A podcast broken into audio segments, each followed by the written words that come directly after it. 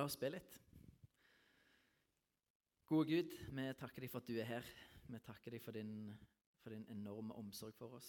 Takker deg for at du elsker oss så enormt høyt. For at du møter oss der vi er i livet. Ikke der eh, noe med plass vi tenker vi burde ha vært, eller noe sånt, men du møter oss der som vi er, og du elsker oss sånn som vi er. Eh, så takker vi deg for at vi får komme til deg alltid med alt som ligger på våre liv. Og vi bare har lyst til å lyst til å gi deg det som ligger på våre hjerter akkurat nå. Om det er bekymring, om det er sorger, om det er hva det er. Stress, mas, jag. Vi bare gir det til deg, og så har vi lyst til å vende blikket på deg, Jesus, eh, denne stunden her. Vi har lyst til å se deg, vi, vi trenger deg, Jesus. Vi har lyst til å bli kjent med deg. Eh, så vi bare ber Hellige Ånd at du skal komme og være midt iblant oss. At vi skal få kjenne ditt nærvær. At du skal, at du skal gjøre det som du ønsker å gjøre. Ber om at du skal åpne hjertene våre. Ber om at du skal blåse liv i de ordene som jeg har tenkt å si. Og at det skal bli til velsignelse for oss, til oppbyggelse og din vilje. Legg oss sjøl og gudstjenesten i dine hender. Amen. Ja, eh, det kommer en powerpoint opp, kanskje. Eh, jeg har ikke glemt å si hvem vi er. Det er kjekt å se nye fjes. Det er utrolig, utrolig gøy. Hjertelig velkommen til dere òg. Eh, jeg heter Eivind Landro. Jeg er pastor her i i Frikirka. Det er veldig heldig som får lov til det. Eh, og det er veldig kjekt å få lov til å, eh, å være pastor og få lov til å være med og, og på det som Jesus gjør, og bygge kirke i Ulsteinvik. Det er utrolig stas. Eh, og vi er kirke som har lyst til å være til velsignelse for Ulsteinvik. Så det handler ikke bare om at vi har lyst til at folk skal komme på gudstjeneste, men det handler om at vi ønsker å bety en forskjell i lokalsamfunnet. Hvis det er sånn at vi har eksistert i 20 år her, og folk ikke vet om oss, da har vi gjort et eller annet galt. Da har vi feila i å være kirke. Eh, så det er litt sånn vi tenker. Eh, og vi holder på dette semesteret med å, å i, i, i, høst så snakket vi om Guds rike. Eh, og litt sånn, jeg skal ikke si det var bare teoretisk, men vi snakket om hva er det for noe, hvordan ser det ut? For det er det Jesus snakker aller mest om. Så vi fant ut vi har lyst til å snakke om Guds rike i praksis. Eh, den, når, ved å gå gjennom apostlenes gjerninger. For der ser en hvordan Den hellige ånd virker i praksis. Nei, hvordan Guds rike blir praktisert. Eh, og det er litt spennende, for vi trenger å se hvordan det skal være i praksis og ikke bare i teori. Og I dag skal vi, skal vi fokusere litt på Den hellige ånd. Vi skal lese fra apostelgjerningene 1, og vers 1-8, og eh, litt eh, utover der, og fra apostelgjerningene kapittel 2. Og der står det i min første bok, 'Gode Theofilos', skrev jeg om alt det Jesus gjorde og lærte fra han begynte og helt til den dagen han ble tatt opp til himmelen. Da hadde han ved Den hellige ånd gitt sine befalinger til de apostlene han hadde utvalgt. Etter, etter å ha lidd døden sto han levende framfor dem, med mange klare bevis på at han levde. I 40 dager viste han seg for dem og talte om det som hører Guds rike til. En gang han spiste sammen med dem, påla han dem dette. Dere skal ikke forlate Jerusalem, men vente på det som Far har lovet, det som dere har hørt av meg. For Johannes døpte med vann, men dere skal om noen få dager bli døpt ved Den hellige ånd. Mens de var sammen, se, mens de var sammen, spurte de ham, Herre, er tiden nå kommet at du vil gjenreise riket for Israel? Han svarte, Det er ikke dere gitt å kjenne tider og stunder som far har fastsatt av sin egen makt, men dere skal få kraft når Den hellige ånd kommer over dere, og dere skal være mine vitner i Jerusalem og hele Judea, i Samaria og helt til jordens ender. Og så går vi videre til apostelgjerningen kapittel 2. Eh, er det ikke, ikke til vers 13, det er til vers 4. Da pinsedagen kom, var alle samlet på ett sted. Plutselig lød det fra himmelen som når en kraftig vind blåser og lyden fylte hele huset hvor de satt. Tunger som av ild viste seg for dem, delte seg og satte seg på hver enkelt av dem. Da ble de alle fylt av Den hellige ånd, og de begynte å tale på andre språk ettersom Ånden ga dem å forkynne. Så vi er helt i starten av apostlenes gjerninger, og vi leser at Jesus han snakket med disiplene i 40 dager. Eh, og han snakket med dem om det som hører Guds rike til. Det syns jeg er veldig interessant. Altså, Jesus endrer ikke fokus. Det han snakket mest om før han døde og, stod, sto opp igjen, det var Guds rike. Eh, og det han snakker om etter sin død det er fortsatt Guds, oppstandelse, det er fortsatt Guds rike. Men så sier han òg 'vent'. Karer, hold an, hold an, vent litt. Eh, ikke gå ennå, ikke gjør noe før dere har fått Den hellige ånd. Jeg har, jeg har, tidligere ikke vært så veldig opptatt av Den hellige ånd, egentlig. Det har vært en av mange ting liksom, som du leser om i Bibelen. Eh, ikke at den ikke har vært viktig, men, men, det har ikke vært så veldig sentralt for min del. Eh, men jeg var fram til jeg innså noe veldig viktig. Nemlig at disiplene til Jesus, som har fulgt han i tre år, fått opplæring av Guds sønn, den beste som fins. Altså, det finnes jo ikke noe bedre læremester enn Jesus. Eh, og fremdeles, helt på slutten etter det tre året, på slutten, så er de fremdeles en gjeng med sjølopptatte, eh, ødelagte mennesker på en måte som, som ikke er forandra. De er fremdeles de samme. De har blitt opplært av Jesus om hvordan et liv bør se ut, hva det vil si å være en disippel osv. Men de ser helt like ut.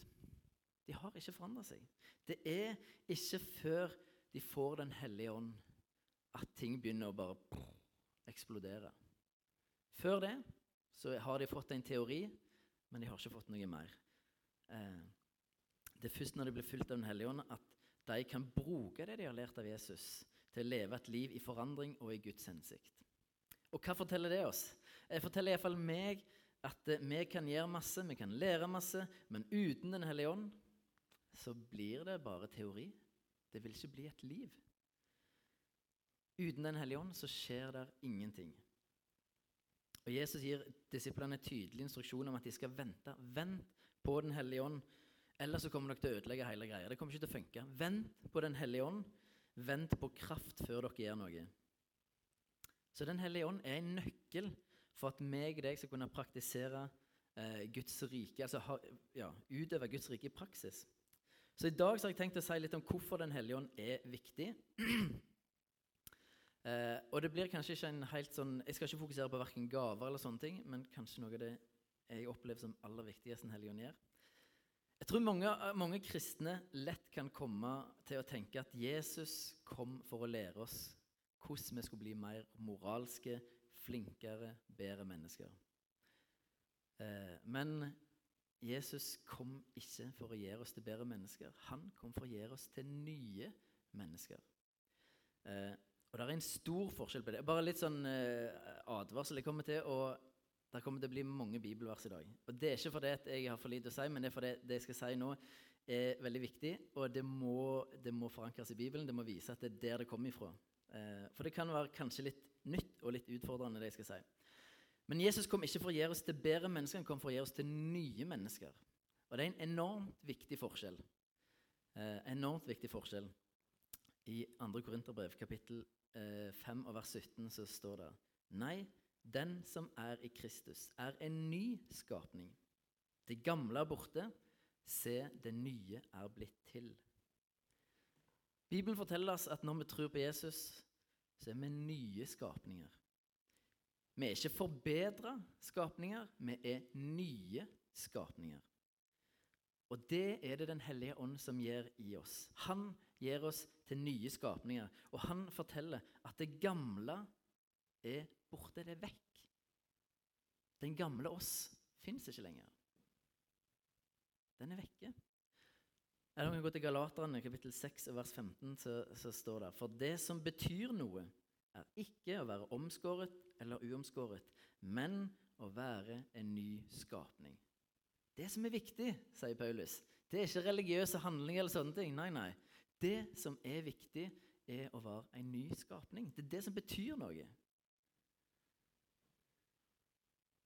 Så det er, ikke viktig, det er ikke bare viktig å forstå dette, det er kjempeviktig å forstå det. Det er helt essensielt, faktisk.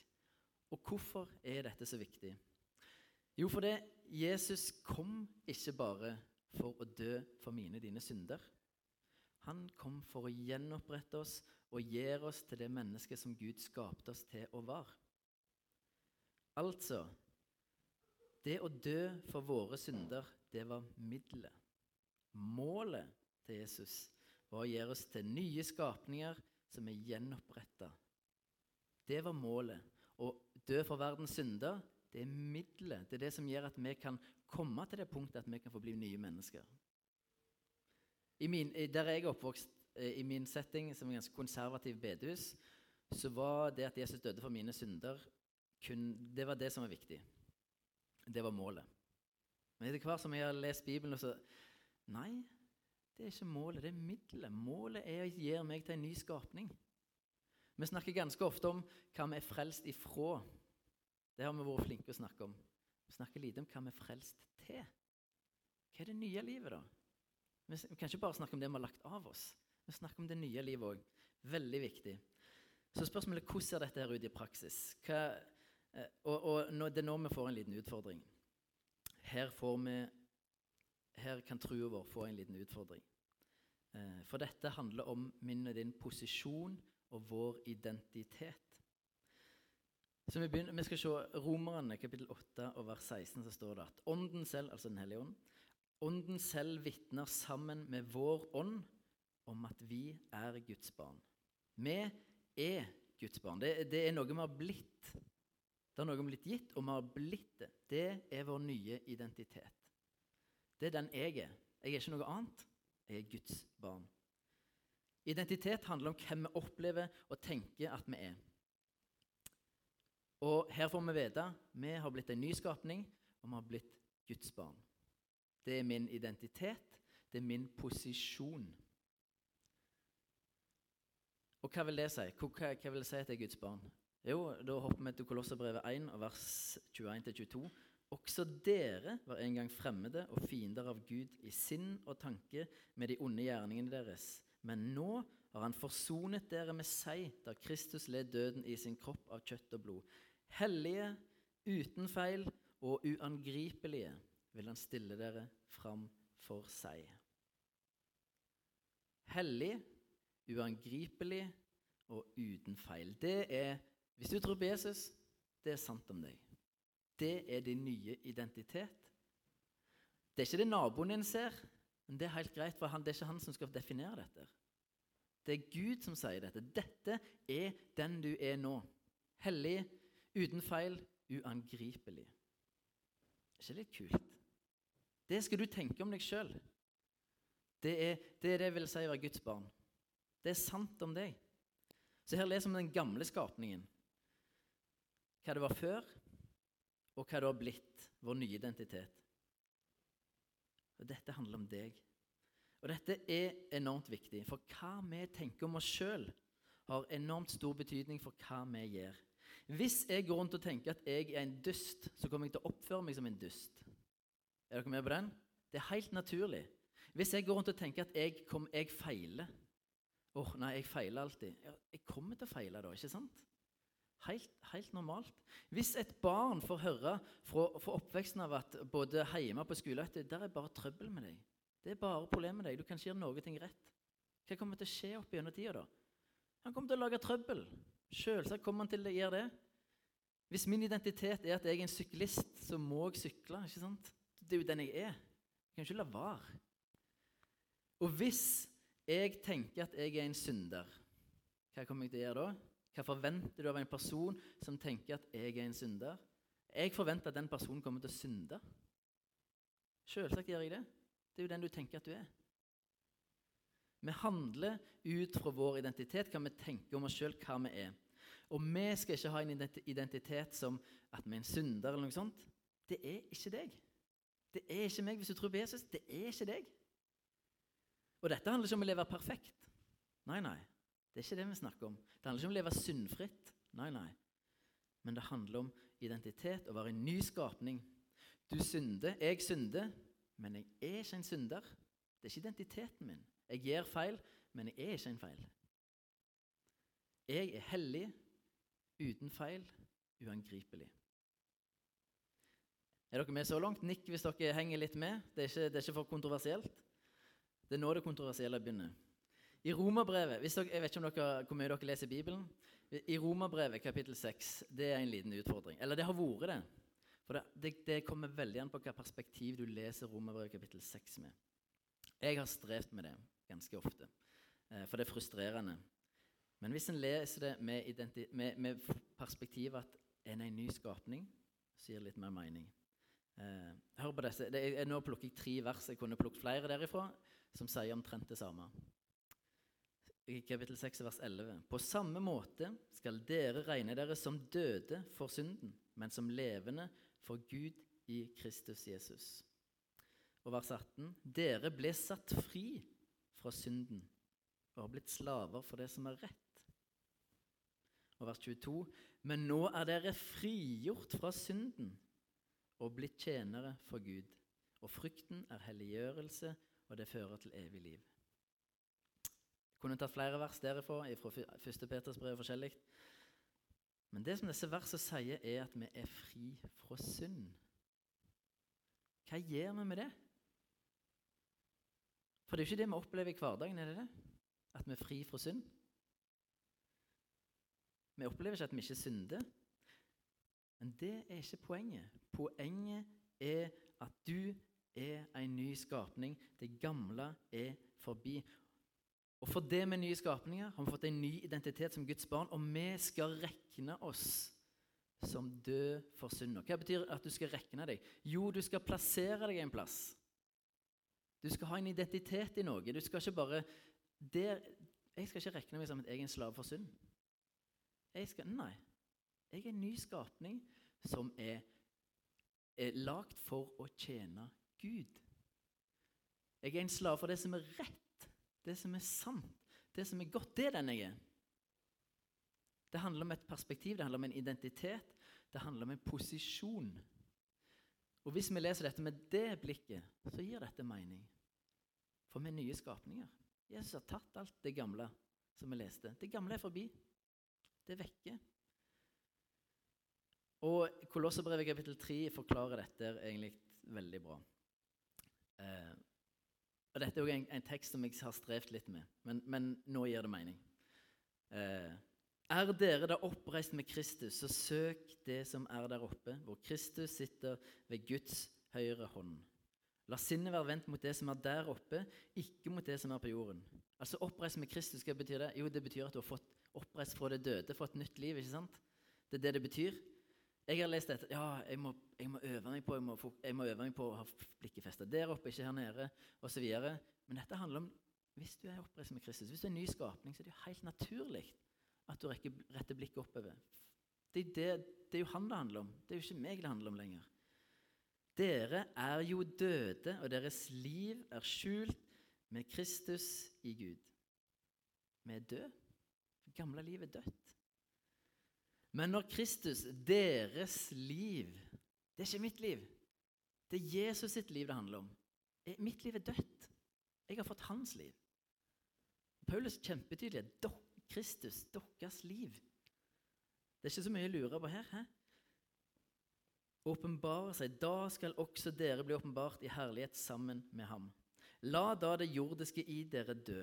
Hor, urenhet, lidenskap og ondt begjær og grådighet som ikke er annet enn avgudsdyrkelse. Alt dette gjør at Gud, Guds vrede rammer de ulydige. Blant dem var også dere den gang dere levde slik. Men legg nå av alt dette. Sinne, hissighet, ondskap, spott og rått snakk og lyv ikke for hverandre. For hvorfor skal vi legge av oss alt dette? her? Hvorfor skal vi det? For dere har kledd av dere det gamle mennesket og dets gjerninger, og iført dere det nye, det som blir fornyet etter sin skapers bilde, og lærer ham å kjenne. Det har skjedd. Det har skjedd, enten du føler det eller ikke. Du har kledd av det gamle mennesket. Og du har ikledd deg det nye hvis du tror på Jesus og har fått Den hellige ånd. Det har skjedd. Spørsmålet er hvor posisjonerer du deg i dette? Hvor er ditt minds, hvor er din identitet i dette? Eier du dette? At dette, har, dette, dette gamle meg er dødt. Jeg lever i Kristus. Jeg lever i Kristus. Her er ikke greker eller jøde, omskåret eller uomskåret, barbar eller skyter, slave eller fri. Nei, Kristus er alt og i alle. Du har kledd av deg det gamle mennesket. Vi skal, legge av, vi skal ikke ha vår identitet i det gamle. Vi skal legge av oss det gamle mennesket med alle sin synd og feil og mangler, for det er ikke oss lenger. Det er ikke den vi er. Hvis du tror på Jesus, så er du en ny skapning. Og vi må aktivt flytte vår posisjon, vår identitet, til det nye mennesket som har blitt til ved Guds nåde og ved Den hellige ånd. Vi må omfavne det, vi må tro på det, vi må stole på det, og vi må leve i det. Og Dette her er kanskje ikke vi er vant med å høre, kanskje vi ikke er vant med å tenke. Men dette her er de fantastiske, gode nyhetene. At du er ikke det du var en gang hvis du tror på Jesus. Du er noe nytt, noe fantastisk, hellig, uten feil, uangripelig. Eh, og det er så konge. Sist gudstjeneste snakket jeg om det å kjenne Gud og bruke tid med Han. Og det handler ikke om, å bruke, om sånn pliktgreier eller eh, noe sånt.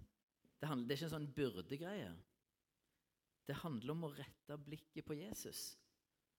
For det er han som er vårt liv. Vekk fra meg sjøl. Vekk fra det, fra det gamle. Fokus på det nye. Det nye livet. For det handler ikke om meg lenger. Det handler ikke om mitt liv. Det er dødt. Det fins ikke. Det er det nye livet det handler om, og jeg må rette blikket på Jesus.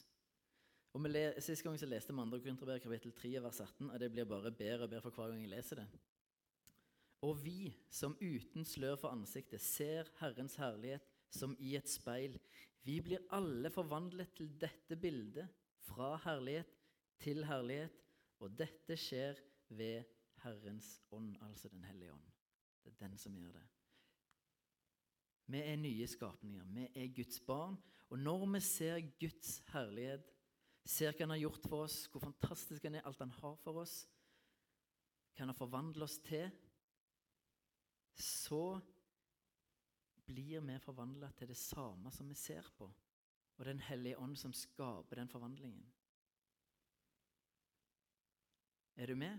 Det er å rette blikket vekk fra deg sjøl. Det er ikke jeg som lever lenger. Jeg er korsfesta med Kristus, og det Galaterbrevet. Jeg lever ikke lenger sjøl, men Kristus lever i meg. Det er akkurat det samme det handler om. Mitt gamle liv dødt. Der er ikke fokuset mitt. Mitt fokus er på at jeg er et nytt liv, oppstått med Jesus. Jeg er hellig, uten feil, uangripelig. Det er det nye livet. Og Jeg har lyst til å dele litt sånn fra min erfaring og min historie. Eh, for De siste åra har jeg jobba en del med, med, med identitet. Hvem er jeg? Dette med å være elska Gud og være Guds barn, det strevde jeg med. Eh, og det indre livet. Og, og, noe av det vanskeligste jeg syns Etter, etter en stund så klart Yes, fikk jeg åpenbart at Gud elsker meg ubetinget. Det var et stort, stort steg. Det var helt fantastisk. Men å elske seg sjøl, det var vanskelig. Det var hardt. Eh, for mitt fokus lå på det gamle mennesket med sine feil og mangler osv. Og til mer rette fokus på meg sjøl, alt jeg hadde lyst til å ta tak i, alt jeg hadde lyst til å fikse, til verre ble det egentlig.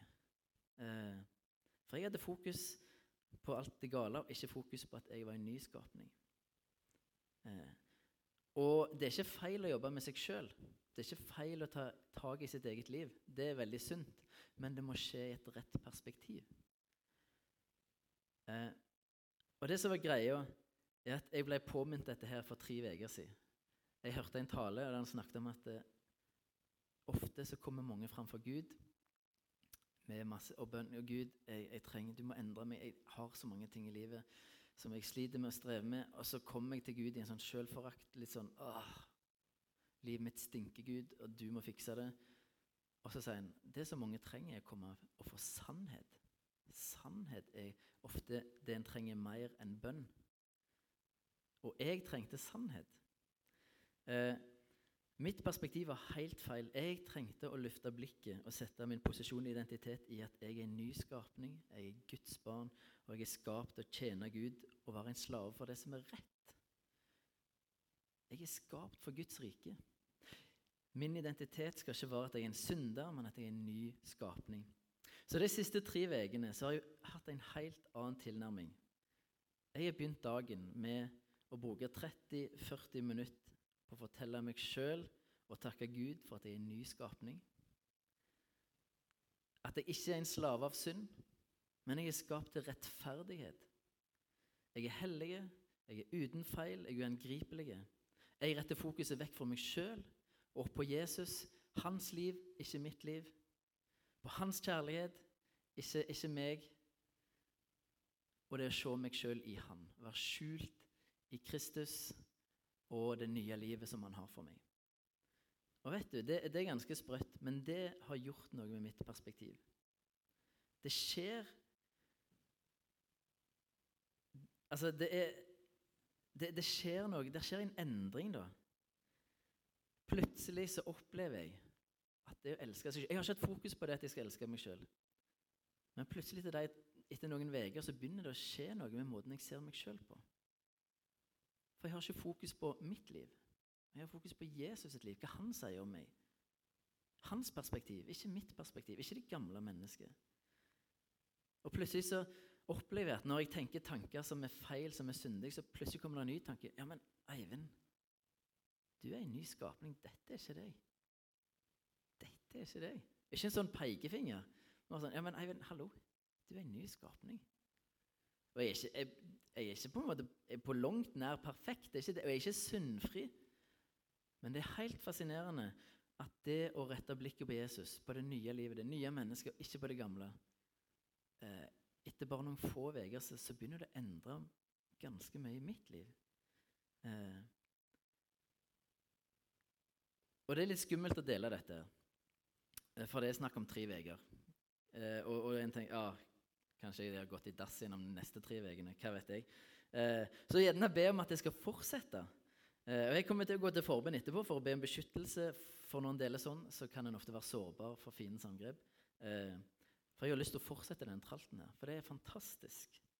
Og jeg syns det er så fantastisk kanskje la være å dele det. For det er det er som at du begynner å se ting helt klare i et annet lys. Det, er, det, er, helt utrolig, syns jeg. Eh, og jeg har lyst på mer av det. Jeg har lyst på mer av det nye, mindre av det gamle. Jeg har lyst til å se mer på, på, på Jesus' liv, sånn at jeg litt etter litt kan bli mer forvandla til det bildet som jeg ser ved at Den hellige ånd det, det, blir som bensin for Den hellige ånd, på motoren Den hellige ånd. Det er som å, som å mate Den hellige ånd når jeg retter blikket på Jesus og vekk fra meg sjøl. Så får han noe å jobbe med, så kan han skape forandring, for jeg har blikket på rett plass. Og Har dette noe med det hellige å gjøre? Ja, det har det. Eh, veldig mye. Eh, vi trenger å bli nye skapninger og ha rett identitet om vi skal kunne leve ut Guds rike i praksis. Vi trenger dette så sårt. Eh, vi trenger det enormt. Det er Den hellige ånd som gjør denne prosessen. Det er han som, han som skaper forandringen i våre liv. Når vi retter vårt blikk på Jesus, hva han har gjort for oss, hvor høyt han elsker oss, hva han har framfor oss, at vi er nye skapninger med en ny identitet Det er mat for Den hellige ånd til å skape forvandling. Eh. Og så skjer ikke det det skjer ikke med et poff og et smell. Det er, det, er en, det er, en, prosess, dette her. Men gradvis så vil Den hellige ånd forvandle oss til det mennesket som vi var skapt til å være, som er hele mennesker. Eh. Så vi er helt avhengig av at Den hellige ånd og at Han har noe å jobbe med i våre liv dersom vi skal kunne leve et Guds rike i praksis. Eh, så vi trenger å forstå og plassere oss sjøl i at vi er nye skapninger. Det gamle er forbi. Vi er Guds barn. Vi er satt fri fra synd og vi har blitt tjenere av Gud og slaver for det som er rett. Slave høres litt negativt ut. Det er egentlig ikke et sånt, vi ikke tenker slave som vi tenker slave. Slavene hadde ganske mye de skulle ha sagt i den tida. Så det er ikke noe negativt slaveri, dette her. Det er det beste slaveriet du kan tenke deg. Eh, men dette her er kanonviktig.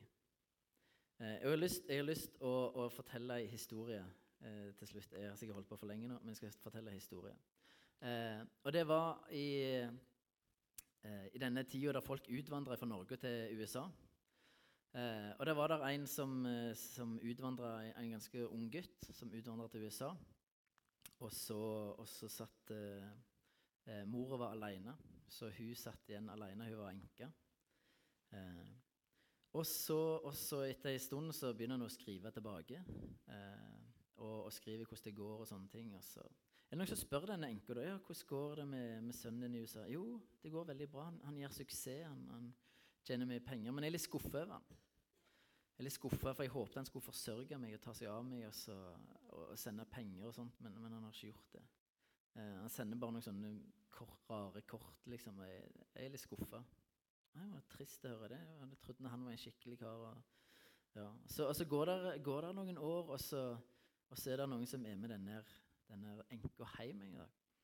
Og så begynner vi å komme i snakk om sønnen, og forteller ah, nei, jeg er litt skuffa av en sønn altså, som ikke, som ikke ikke forsørger meg. Jeg, jeg, her, jeg får så vidt endene til å møtes.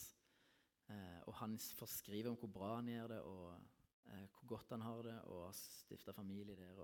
Det, ja. Så jeg er veldig skuffa. Så fortsetter han å sende disse rare kortene sine. Så, og så ja, 'Kan jeg få se det kortet?' spør personen sin. Med. Ja, ja, jeg kan se, jeg Og så går jeg bort til nattbordskuffa og viser, viser kortet. Ja, men du, dette er jo ikke kort. Dette er jo dollar. Du har en haug med penger her. Og du har levd i fattigdom og så vidt fått endene til møte, så har rikdommen ligget på nattbordet ditt. Og du har ikke fatta det engang. Og det er sånn mange lever kristenlivet sitt. En lever i fattigdom, er skuffa av Gud. 'Jeg skulle ønske livet mitt var sånn.' jeg skulle ønske livet mitt var sånn. 'Gud, hvorfor gjør du ikke noe?'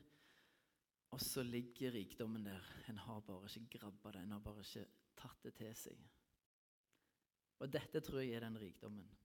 Det å flytte seg sjøl overfor det gamle mennesket og la det være dødt. Selv, du blir ikke perfekt. Du kommer til å gjøre ting som er galt, men der ligger ikke fokuset vårt. Vi er nye skapninger som er elska ubetinget, som er hellige, uten feil og uangripelige. Det er de vi har blitt. Og der ligger rikdommen. Få lov til å eie det, få lov til å leve i det hver dag. Hver dag. Og bli gradvis forvandla til det mennesket som vi var meint å bli fordi vi ser på Jesus og blir mer og mer lik han ved Den hellige ånd. Det er fantastisk. Det er en skatt som det er ikke sikkert at alle oss her har grabba. Eh, men han ligger der. Men vi må våge å tro det. Sette vår lit til det. Dette er sant. Og der står en enorm kamp om sannheten. Dette er, Djevelen er ikke så veldig redd for om du kommer til kirke, og sånne ting, men han er livredd for at du skal få tak i dette her og begynne å få identitet som Guds barn eh, og, sette, og være en ny skapning. Det er han livredd for. Ikke så redd for om du er her, og om du Det er han ikke så redd for. Men dette her skal jeg love deg en er redd for. Eh, så dette handler ikke om perfeksjon, det handler ikke om å leve syndfritt, men det handler om å plassere seg i det nye mennesket. Du, kommer, du blir ikke syndfri på denne sida av evigheten. Det blir du ikke. Eh, det kan jeg garantere deg.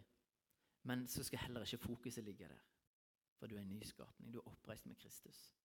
Derfor skal du få lov til å vende blikket mot der, det som er der oppe. Du har kledd av deg det gamle mennesket, og du har ikledd deg det nye. Lev i det nye. Ta det på deg. Lev i det. Ta det til deg. Stol på det. Se om det ikke skjer en endring. Våg å, ja, våg, å teste. Teste. Ta deg litt, noe tid hver dag og bare fortell deg sjøl hvem du er, Jesus. Og la det, la det døde være dødt. Ikke ta det opp igjen. Rekken deg som død for synd, levende for Kristus. For det er det som er sannheten. Ok, nå, Jeg må ha noen refleksjonsspørsmål. Eh, hva er din identitet? Hva, hva tenker du om deg sjøl og at du er for noe? Og det, det, er et stort spørsmål. Jeg er fullt klar over det. Men hvis du allerede vet litt sånn hvor du er, hva du tenker om deg sjøl, så, så, så, så, får det litt sånn fram i lyset. Eh, er, det, er, det, Guds barn som er identiteten din? Er det at du er en synder? Er du den som ikke får til livet? Er du, er du den som mislykkes? Hva, hva, er du for noe? Hva er du for noe? Eh, for du må først avsløre, det, det, avsløre løgnen før du kan komme med sannheten. Ikke sant? Eh, bare tenk over det. Opplever du deg som en slave av synd eller fri fra synd? Hva, hva kjenner du? Hva opplever du? Slave av synd eller fri fra synd? Og da, da, jeg, da snakker jeg ikke om sunn fri, men at synd er ikke det som styrer livet ditt. Men at, at, det nye livet får styre livet ditt. Får lov til å være den som har, eh, har, har, får lov til å snakke inn i livet ditt. Og til slutt, hva har Gud talt til deg? Og hva trenger du å gjøre med det? Enten i tale eller lovsang, eller det, det er kanskje en tale til deg i fellesskapet Men, men hva, sier, hva har han sagt til deg? Og hva trenger du å gjøre med det? Er det ett steg du kan ta? Et, et lite steg i rett retning som du kan ta? Eh, det kan være at dette her er, var litt, litt, too much, eller et eller annet sånt. Men hvis du, hvis du, kjenner at dette her har jeg ikke helt fått tak på, eller nå er jeg forvirra, eller nå lurer jeg mer enn jeg gjorde før jeg kom inn, eh, så, så, snakk med meg, vær så snill. Eh, ta kontakt. Eh, for dette er viktig å oppklare. Det er ikke sikkert jeg har forklart dette godt nok. Eh, så ta, ta, snakk med meg om det i så fall. Eller spør noen andre. du, Forsto du dette? liksom. Hvis du trenger det, så gjør det. Gjør det. Det er helt nydelig, det. Eh, for dette her, er, dette her er viktig. Jesus, jeg bare takker deg for at du har ført oss over fra mørke og til lys. Du har satt oss fri fra synda. Du har skapt et nytt liv i oss. Og det er nå det er du som skal få være herre. Det er du som skal sette agendaen. Ikke det gamle livet. Ikke det syndige. Men du. Ikke for at vi kommer til å bli syndfrie eller perfekte, men fordi vi skal rette blikket på deg og det du har gjort for oss. Det er deg det handler om. Det er ditt liv. Det er det som betyr noe nå. Jeg takker deg for at du har gjort det for oss. At vi skal få lov til å ta imot det helt uten å gjøre noe som helst. Kun ved din nåde får vi lov til å ta imot det nye livet.